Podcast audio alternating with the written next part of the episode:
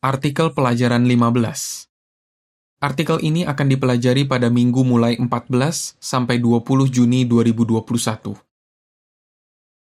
Pelajaran dari kata-kata terakhir Yesus. Ayat tema. Inilah putraku yang kukasihi, aku berkenan kepadanya. Dengarkan dia. Matius 17 ayat 5. Nyanyian nomor 17. Aku mau. Yang dibahas seperti yang dikatakan di Matius 17 ayat 5, Yehua ingin agar kita mendengarkan putranya. Di artikel ini, kita akan membahas beberapa hal yang bisa kita pelajari dari kata-kata Yesus sewaktu dia hampir meninggal di tiang siksaan. Paragraf 1-2 Pertanyaan Apa saja yang terjadi sebelum Yesus menyampaikan kata-kata terakhirnya? Hari itu tanggal 14 Nisan tahun 33 Masehi. Yesus dituduh melakukan kejahatan yang sebenarnya tidak dia lakukan. Setelah dinyatakan bersalah oleh pengadilan, dia dihina dan disiksa dengan kejam. Lalu, tangan dan kakinya dipakukan di tiang siksaan. Yesus pun merasa kesakitan setiap kali dia menarik napas dan berbicara. Tapi, dia harus berbicara karena ada hal-hal penting yang harus dia sampaikan. Di artikel ini, kita akan membahas kata-kata yang Yesus ucapkan sewaktu dia hampir meninggal di tiang siksaan. Kita juga akan membahas apa yang bisa kita pelajari dari kata-kata Yesus itu. Dengan kata lain, mari kita dengarkan dia. Matius 17 ayat 5 Bapak, ampunilah mereka. Paragraf 3 Pertanyaan. Siapa yang kemungkinan Yesus maksudkan sewaktu dia mengatakan, Bapak ampunilah mereka? Apa yang Yesus katakan? Sewaktu baru dipakukan di tiang siksaan, Yesus berdoa, Bapak, ampunilah mereka. Siapa yang Yesus maksudkan? Kita bisa mengetahui jawabannya dari kata-kata Yesus berikutnya. Mereka tidak tahu apa yang mereka lakukan. Lukas 23 ayat 33 dan 34. Jadi, Yesus kemungkinan memaksudkan para prajurit Romawi yang memakukan tangan dan kakinya. Mereka tidak tahu bahwa Yesus adalah putra Allah. Yesus juga mungkin memaksudkan beberapa orang yang menuntut agar dia dihukum mati, tapi belakangan akhirnya beriman kepadanya. Meski semua orang itu memperlakukan Yesus dengan tidak adil, Yesus tidak marah atau mendendam kepada mereka. Sebaliknya, dia meminta Yehua untuk mengampuni mereka. Paragraf 4. Pertanyaan. Apa yang bisa kita pelajari dari sikap Yesus yang rela mengampuni para penentangnya? Apa yang bisa kita pelajari dari kata-kata Yesus? Seperti Yesus, kita perlu rela mengampuni orang lain. Beberapa orang, termasuk anggota keluarga kita, mungkin menentang kita karena mereka tidak memahami kepercayaan dan jalan hidup kita sebagai orang Kristen.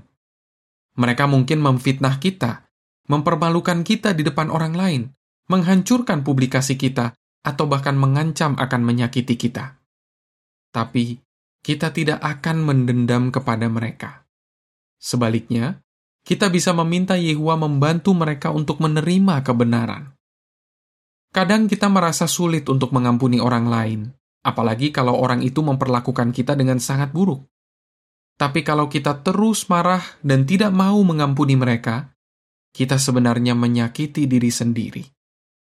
Seorang saudari mengatakan, "Saya sadar bahwa kalau saya mengampuni orang lain, itu bukan berarti saya menyetujui perbuatan salah mereka atau membiarkan mereka memperlakukan saya dengan buruk. Sebaliknya, dengan mengampuni mereka, saya memilih untuk tidak terus marah kepada mereka.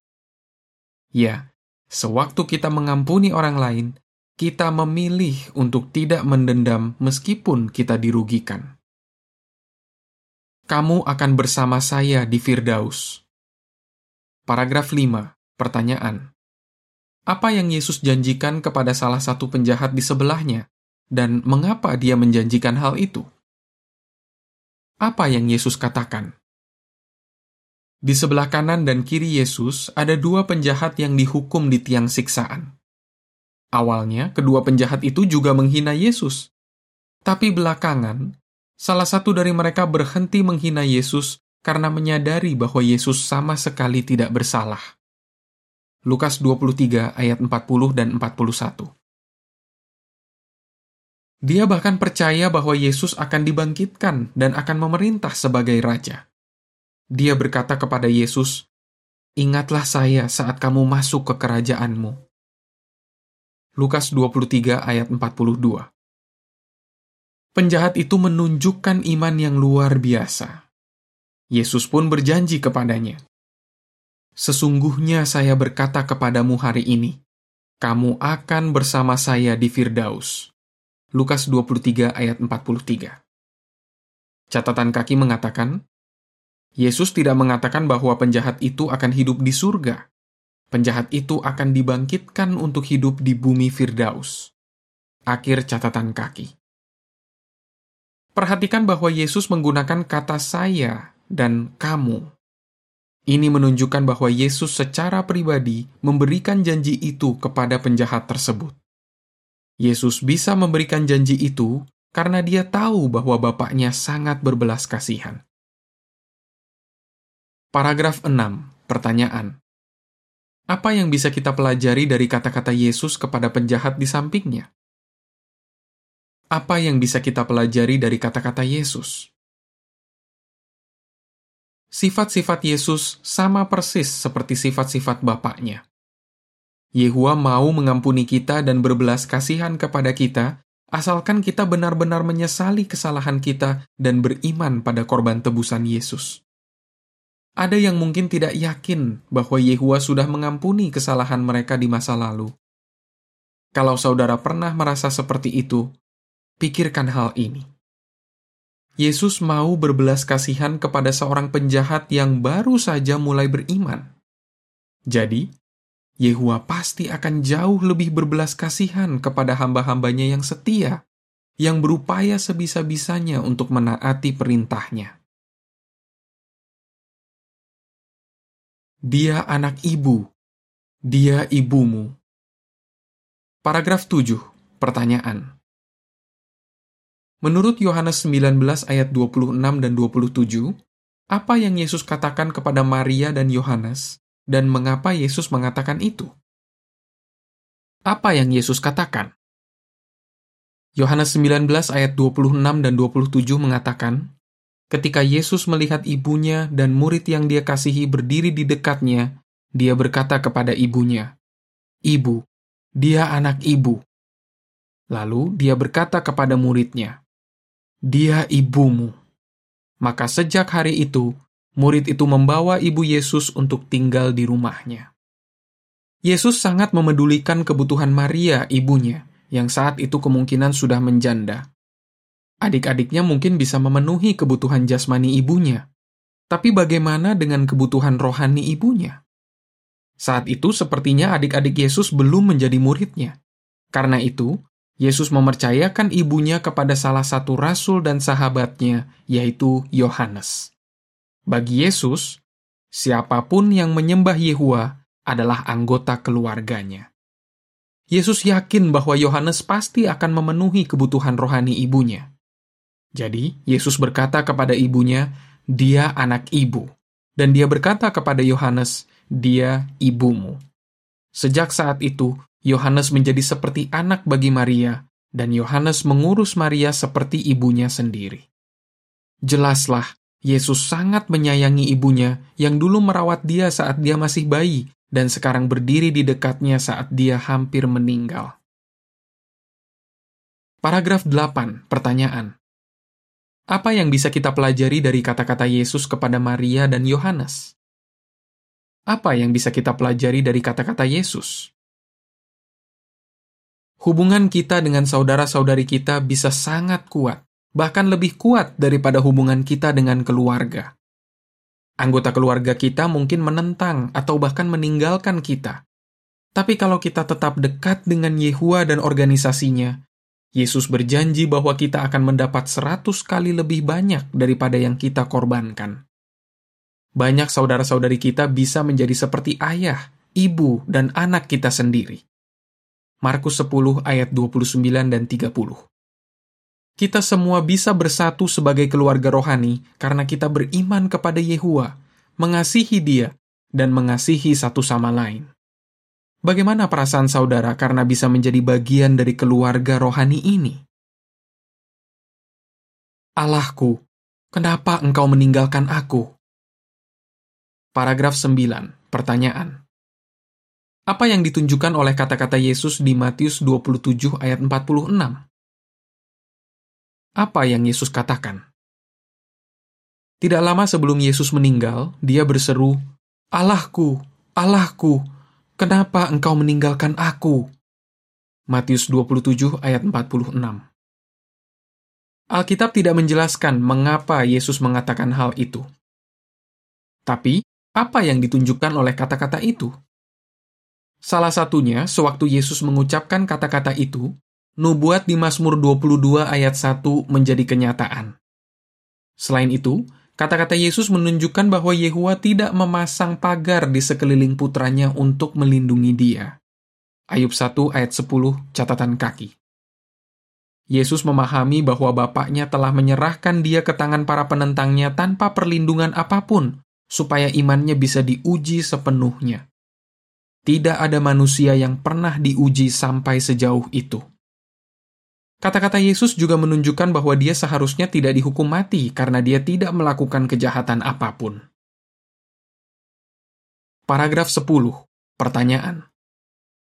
Apa yang bisa kita pelajari dari kata-kata Yesus kepada Bapaknya? Apa yang bisa kita pelajari dari kata-kata Yesus? Salah satunya, kita belajar bahwa Yehua mungkin tidak melindungi kita dari kesulitan yang menguji iman kita. Dulu, Yesus bisa tetap setia menghadapi ujian iman sampai mati. Sekarang, kita juga harus siap untuk tetap setia bahkan sampai mati. Tapi kita bisa yakin bahwa Yehua tidak akan membiarkan kita diuji melebihi kesanggupan kita. Kita juga belajar bahwa seperti Yesus, kita mungkin akan menderita karena diperlakukan dengan tidak adil. Kita ditentang bukan karena kita melakukan kejahatan, tapi karena kita terpisah dari dunia dan karena kita memberitakan kebenaran. Yesus memahami mengapa Yehua membiarkan dia menderita. Tapi beberapa hamba Yehua mungkin bertanya-tanya, mengapa Yehua membiarkan hal buruk terjadi pada mereka? Allah kita yang sabar dan berbelas kasihan memahami bahwa mereka bertanya seperti itu bukan karena mereka kurang beriman. Mereka membutuhkan penghiburan yang berasal dari Yehua. Saya haus. Paragraf 11. Pertanyaan. Mengapa Yesus mengucapkan kata-kata di Yohanes 19 ayat 28? Apa yang Yesus katakan? Yohanes 19 ayat 28 mengatakan, Lalu ketika Yesus tahu bahwa saat itu semuanya sudah diselesaikan, dia berkata, Saya haus. Dengan begitu, ayat itu menjadi kenyataan. Mengapa Yesus mengatakan, Saya haus? Sewaktu Yesus mengatakan hal tersebut, nubuat di Mazmur 22 ayat 15 menjadi kenyataan. Ayat itu mengatakan, Kekuatanku mengering seperti suatu pecahan tanah liat. Lidahku melekat pada langit-langit mulutku. Selain itu, karena hari itu Yesus terus disiksa dan sekarang kesakitan di tiang siksaan, dia pasti sangat haus. Dia butuh bantuan untuk menghilangkan rasa hausnya itu. Paragraf 12. Pertanyaan. Apa yang bisa kita pelajari dari kata-kata Yesus sewaktu dia mengatakan, "Saya haus"? Apa yang bisa kita pelajari dari kata-kata Yesus? Yesus tidak ragu untuk memberitahu orang lain apa yang dia butuhkan. Dia tidak merasa bahwa itu akan membuat dia terlihat lemah. Kita harus meniru Yesus. Kita mungkin tidak terbiasa memberitahu orang lain tentang apa yang kita butuhkan. Tapi kalau kita memang butuh bantuan, kita tidak perlu ragu untuk memintanya. Misalnya, kalau kita sudah lansia atau punya masalah kesehatan, kita bisa meminta seseorang untuk mengantar kita berbelanja atau pergi ke dokter. Atau, kalau kita sedang kecil hati, kita mungkin perlu meminta bantuan penatua atau rekan seiman yang matang. Mereka bisa mendengarkan sewaktu kita mencurahkan isi hati kita.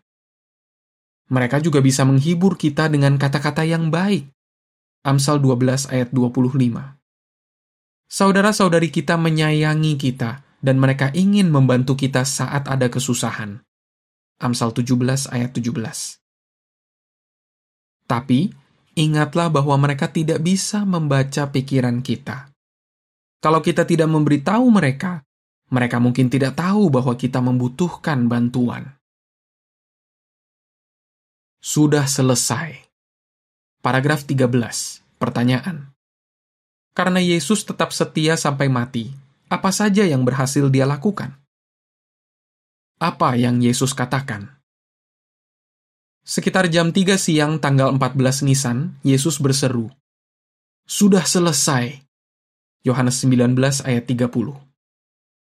Kata-kata itu menunjukkan bahwa beberapa saat sebelum Yesus meninggal, Yesus tahu bahwa dia sudah menyelesaikan semua yang Yehua inginkan. Karena Yesus tetap setia sampai mati, ada beberapa hal yang berhasil dia lakukan. Pertama, dia membuktikan bahwa setan adalah pembohong. Yesus menunjukkan bahwa manusia yang sempurna bisa terus setia tidak soal apa yang setan lakukan kepadanya. Kedua, dengan memberikan nyawanya sebagai tebusan, Yesus memberi manusia yang tidak sempurna kesempatan untuk bersahabat dengan Allah dan untuk mendapat kehidupan abadi. Ketiga, Yesus membersihkan nama baik Bapaknya dan membuktikan bahwa Yehua adalah penguasa yang terbaik.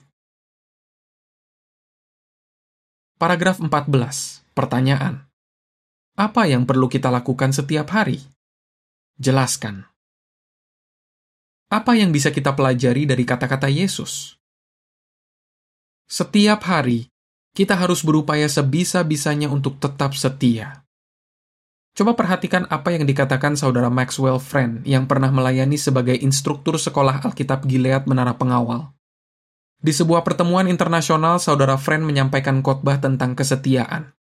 Dalam khotbah itu dia mengatakan, kalau saudara bisa mengatakan atau melakukan sesuatu hari ini, jangan menundanya sampai besok. Apakah saudara yakin bahwa besok saudara masih hidup? Anggaplah setiap hari sebagai kesempatan terakhir untuk membuktikan bahwa saudara memang layak mendapat kehidupan abadi. Ya, kita perlu menganggap setiap hari sebagai kesempatan terakhir untuk membuktikan bahwa kita tetap setia. Dengan begitu, meski kita harus menghadapi kematian, kita bisa mengatakan, Yehua, aku sudah berupaya sebaik-baiknya untuk tetap setia, membuktikan bahwa setan adalah pembohong membersihkan nama baikmu, dan membuktikan bahwa engkau adalah penguasa yang terbaik. Ke dalam tanganmu kuserahkan nyawaku. Paragraf 15. Pertanyaan. Menurut Lukas 23 ayat 46, Yesus yakin akan hal apa? Apa yang Yesus katakan? Lukas 23 ayat 46 mengatakan, Yesus berseru dengan suara keras, Bapak, ke dalam tanganmu kuserahkan nyawaku. Setelah berkata begitu, dia meninggal. Dengan yakin Yesus mengatakan, Bapak, ke dalam tanganmu kuserahkan nyawaku. Yesus tahu bahwa masa depannya ada di tangan Yehua, dan dia yakin bahwa Bapaknya akan mengingat dia. Paragraf 16. Pertanyaan. Apa yang saudara pelajari dari pengalaman Joshua? Apa yang bisa kita pelajari dari kata-kata Yesus? Teruslah setia kepada Yehua meski nyawa saudara terancam. Untuk itu, saudara harus percaya kepada Yehua dengan sepenuh hati. Amsal 3 ayat 5 Perhatikan pengalaman Joshua, seorang saksi berumur 15 tahun yang menderita penyakit yang mematikan. Dia tidak mau menerima perawatan medis yang tidak sesuai dengan hukum Allah. Tidak lama sebelum dia meninggal, dia mengatakan kepada ibunya, Ma, aku sudah aman di tangan Yehua. Aku yakin Yehua pasti akan membangkitkan aku. Dia tahu isi hatiku, dan aku benar-benar menyayangi dia. Ya, kita semua perlu memikirkan pertanyaan ini. Kalau saya menghadapi ujian iman yang membuat nyawa saya terancam, Apakah saya akan tetap setia kepada Yehua dan yakin bahwa dia akan mengingat saya? Paragraf 17-18 Pertanyaan Apa saja yang telah kita pelajari? Kita sudah membahas beberapa pelajaran penting dari kata-kata terakhir Yesus. Kita diingatkan bahwa kita perlu mengampuni orang lain dan yakin bahwa Yehua mau mengampuni kita. Kita juga belajar bahwa kita punya saudara-saudari yang selalu siap membantu kita, dan kita perlu memberitahu mereka kalau kita membutuhkan bantuan. Selain itu, kita belajar bahwa Yehua pasti akan membantu kita bertekun menghadapi kesulitan apa pun. Kita juga belajar bahwa kita perlu menganggap setiap hari sebagai kesempatan terakhir untuk membuktikan kesetiaan kita. Dan kalaupun kita harus mati, kita yakin bahwa nyawa kita aman di tangan Yehua. Ya, kita bisa belajar banyak hal dari kata-kata Yesus sewaktu dia hampir meninggal di tiang siksaan. Kalau kita menjalankan apa yang kita pelajari, itu berarti kita menaati Yehua yang memerintahkan kita untuk mendengarkan Yesus. Berikut ini adalah keterangan tambahan yang kita pelajari dari kata-kata terakhir Yesus. 1. Bapak, ampunilah mereka kita harus rela mengampuni orang lain. 2. Kamu akan bersama saya di Firdaus. Yehua selalu rela mengampuni kita. 3. Dia anak ibu. Dia ibumu. Kita punya keluarga rohani yang luar biasa. 4. Allahku, kenapa engkau meninggalkan aku? Yehua mungkin tidak akan melindungi kita dari kesulitan yang menguji iman kita. 5. Saya haus. Kalau kita meminta bantuan, itu bukan berarti kita orang yang lemah. 6. Sudah selesai. Setiap hari, kita harus berupaya sebisa-bisanya untuk tetap setia. 7. Ke dalam tanganmu, kuserahkan nyawaku. Kita yakin bahwa Yehua akan membangkitkan kita kalau kita meninggal. Apa yang saudara pelajari dari kata-kata Yesus di Lukas 23 ayat 34, 43, dan 46? Matius 27 ayat 46. Yohanes 19 ayat 26 sampai 28 dan 30. Nyanyian nomor 126. Tetaplah sadar, teguh, dan kuat. Akhir artikel.